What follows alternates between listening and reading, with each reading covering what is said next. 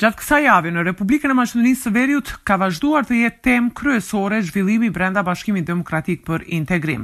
Pas daljes së grupit të zjarrit apo të pakënaqurve për herë të parë në formë publike në media të cilët flisnin kundër ekzekutivit dhe zëvendëskryeministrit të parë Artan Grubi është mbajtur edhe mbledhja konstituive, si dhe është grumbulluar Këshilli i Përgjithshëm. Për herë të parë, në formën më transparente, Bashkimi Demokratik për Integrim ka shënuar një moment të rëndësishëm duke e transmetuar drejtpërdrejt me prezencë të mediave këtë mbledhje që e ka udhëhequr lideri Ali Ahmeti.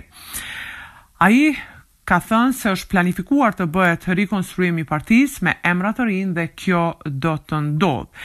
Rikonstruimi i partisë është planifikuar me caktimin e sekretarit të përgjithshëm, sekretarit organizativ, nënkryetarëve, ndërkaq për kryetar partie edhe një herë edhe një mandat do të jetë lideri Ali Ahmeti, i cili nga të gjithë konsiderohet si i pakontestueshëm.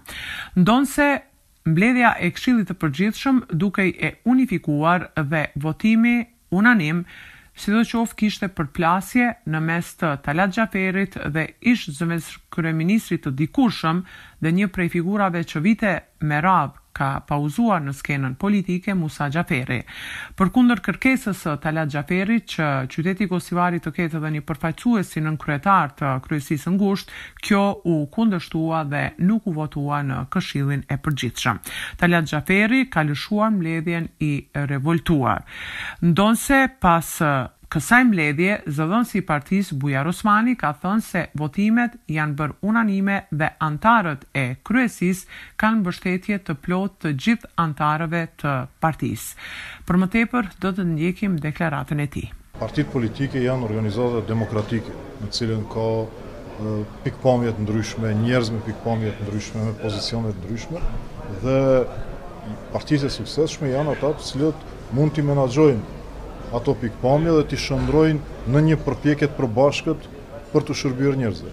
Partitë të cilat nuk kanë lidership të tillë ose lider të tillë siç kemi ne, ose nuk kanë kapacitet për t'i menaxhuar pikëpamjet e njerëzve mbrenda organizate, ato dështojnë. BDI është e treguar e suksesshme në këto njëzet vite, pikërisht se pikëpamjet e ndryshme i ka shëndruar në mundësi, i ka shëndruar në sinergji e cila pastaj është është përkrahur nga populli për shkak kësaj qasje, ashtu që për ne është kjo vlerë dhe jo rastësisht kryetari Ahmeti vendosi që ju të jeni mbrenda gjatë gjithë kësaj kohe, po të kishte ndonjë frigë nga debatet e mbrendshme, ne sigurisht do i mbyllnim dyert. Unë mendoj që në historinë e partive politike është hera e parë që mediumet të marrin pjesë në të gjitha punimet e Këshillit të Përgjithshëm, se ne ashtu e shohim vlerën e një organizate demokratike e cila ka kapacitet. Duket që ka një unitet në mes të anëtarëve, të rinj dhe të vjetër, ndonëse Zhurma e grupit të zjarrit i rikthei ata në skenë, Izet Mexhitin, i cili vazhdoi edhe për një mandat nënkryetar, Blerim Bexheti aktual kryetar i Komunës së Sarajit, edhe një mandat për nënkryetar, Nevzat Bejta në kryesinë e ngushtë, si dhe Musa Xhaferi nga grupi i zjarrit në Këshillin Mbikëqyrës. Këshilli i Përgjithshëm i Bashkimit Demokratik për Integrim ka miratuar vendim për shpalljen e zgjedhjeve dhe ka autorizuar Komisionin Partiak Zgjedhor që të organizojë zgjedhjet në degët e Forumit Rinor dhe në të gjitha këshillat vendorë dhe degët e Bashkimit Demokratik për Integrim dhe kjo do të ndodhë në vitin dy mijë e njëzet e tre. Ndërkohë në vjeshtë të vitit dy mijë e njëzet e tre pritet që të mbahet edhe kongresi i pestë i kësaj partie, njoftojnë shërbimet e Bashkimit Demokratik për Integrim. Kryesia e re do të mblidhet me njëzet e nëntë tetor, me ç'rast ministrat dhe zëvendëskryeministri do të japin llogari përpara saj për arritjet dhe ngecjet në punën e tyre. Në Këshillin Mbikëqyrës është rikthyer Musa Xhaferi, i cili, bashkë me Izet Mexhitin, Nevzat Bejtën e Blerim Bexhetin janë pjesë e kryesisë së ngushtë.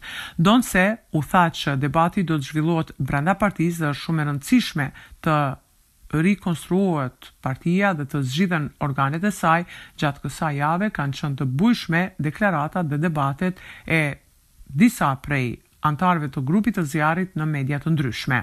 Një nga deklaratat e Musa Xhaferit është edhe kjo lidhur me rëndësinë e mbledhjes së fundit të Këshillit të Përgjithshëm. Për më tepër ndjekim prononcimin e tij. Unë mendoj ne një grup mbrenda partisë, funksionarë partiakë, e kemi ngrit zërin duke pa se Bashkimi Demokratik për Integrim ka defekte të mëdhaja në organizimin e mbrendshëm dhe ishte domosdoshmëri që të konstituohen organet dhe të merren vendimet në mënyrë kolektive të kërkohet llogari dhe unë besoj edhe ata që ishin kundërshtarë të këtij grupi të ashtuquajtur i zjarrit do pajtohen se respektimi i rregullave në parti është në të mirën e partisë. Lideri Ali Ahmeti mbetet i pakontestueshëm pothuajse për të gjithë. Kështu e kanë vlerësuar edhe analistët politikë të cilët Bashkimin Demokratik për Integrim dhe ekzistencën e kësaj partie, por edhe të shumë proceseve prointegruese të Maqedonisë së Veriut e lidhin me këtë figurë. Për më tepër do të ndjekim deklaratën e Nuhi Bexhetit, analist dhe profesor universitar. Bashkimi Demokratik për Integrim me Ali Ahmetin ta kujton Lidhjen Demokratike të Kosovës me Ibrahim Rugovën, edhe pse ai, ky i fundit, Ibrahim Rugova, ishte një pacifist klasik, qe larg dhunës, larg luftës, lideri i shqiptarëve të Maqedonisë, rasti konkret Ali Ahmeti, vjen nga një që quhet me një background ushtarak të themi. Kjo është krahasimi. Pra, një BDI pa Ali Ahmetin, është një lis i madh, një dru i madh, që me një furtunë të vogël mund të bie. Pra, hë për hë e mban fuqia, emri i tij dhe e kaluara e tij.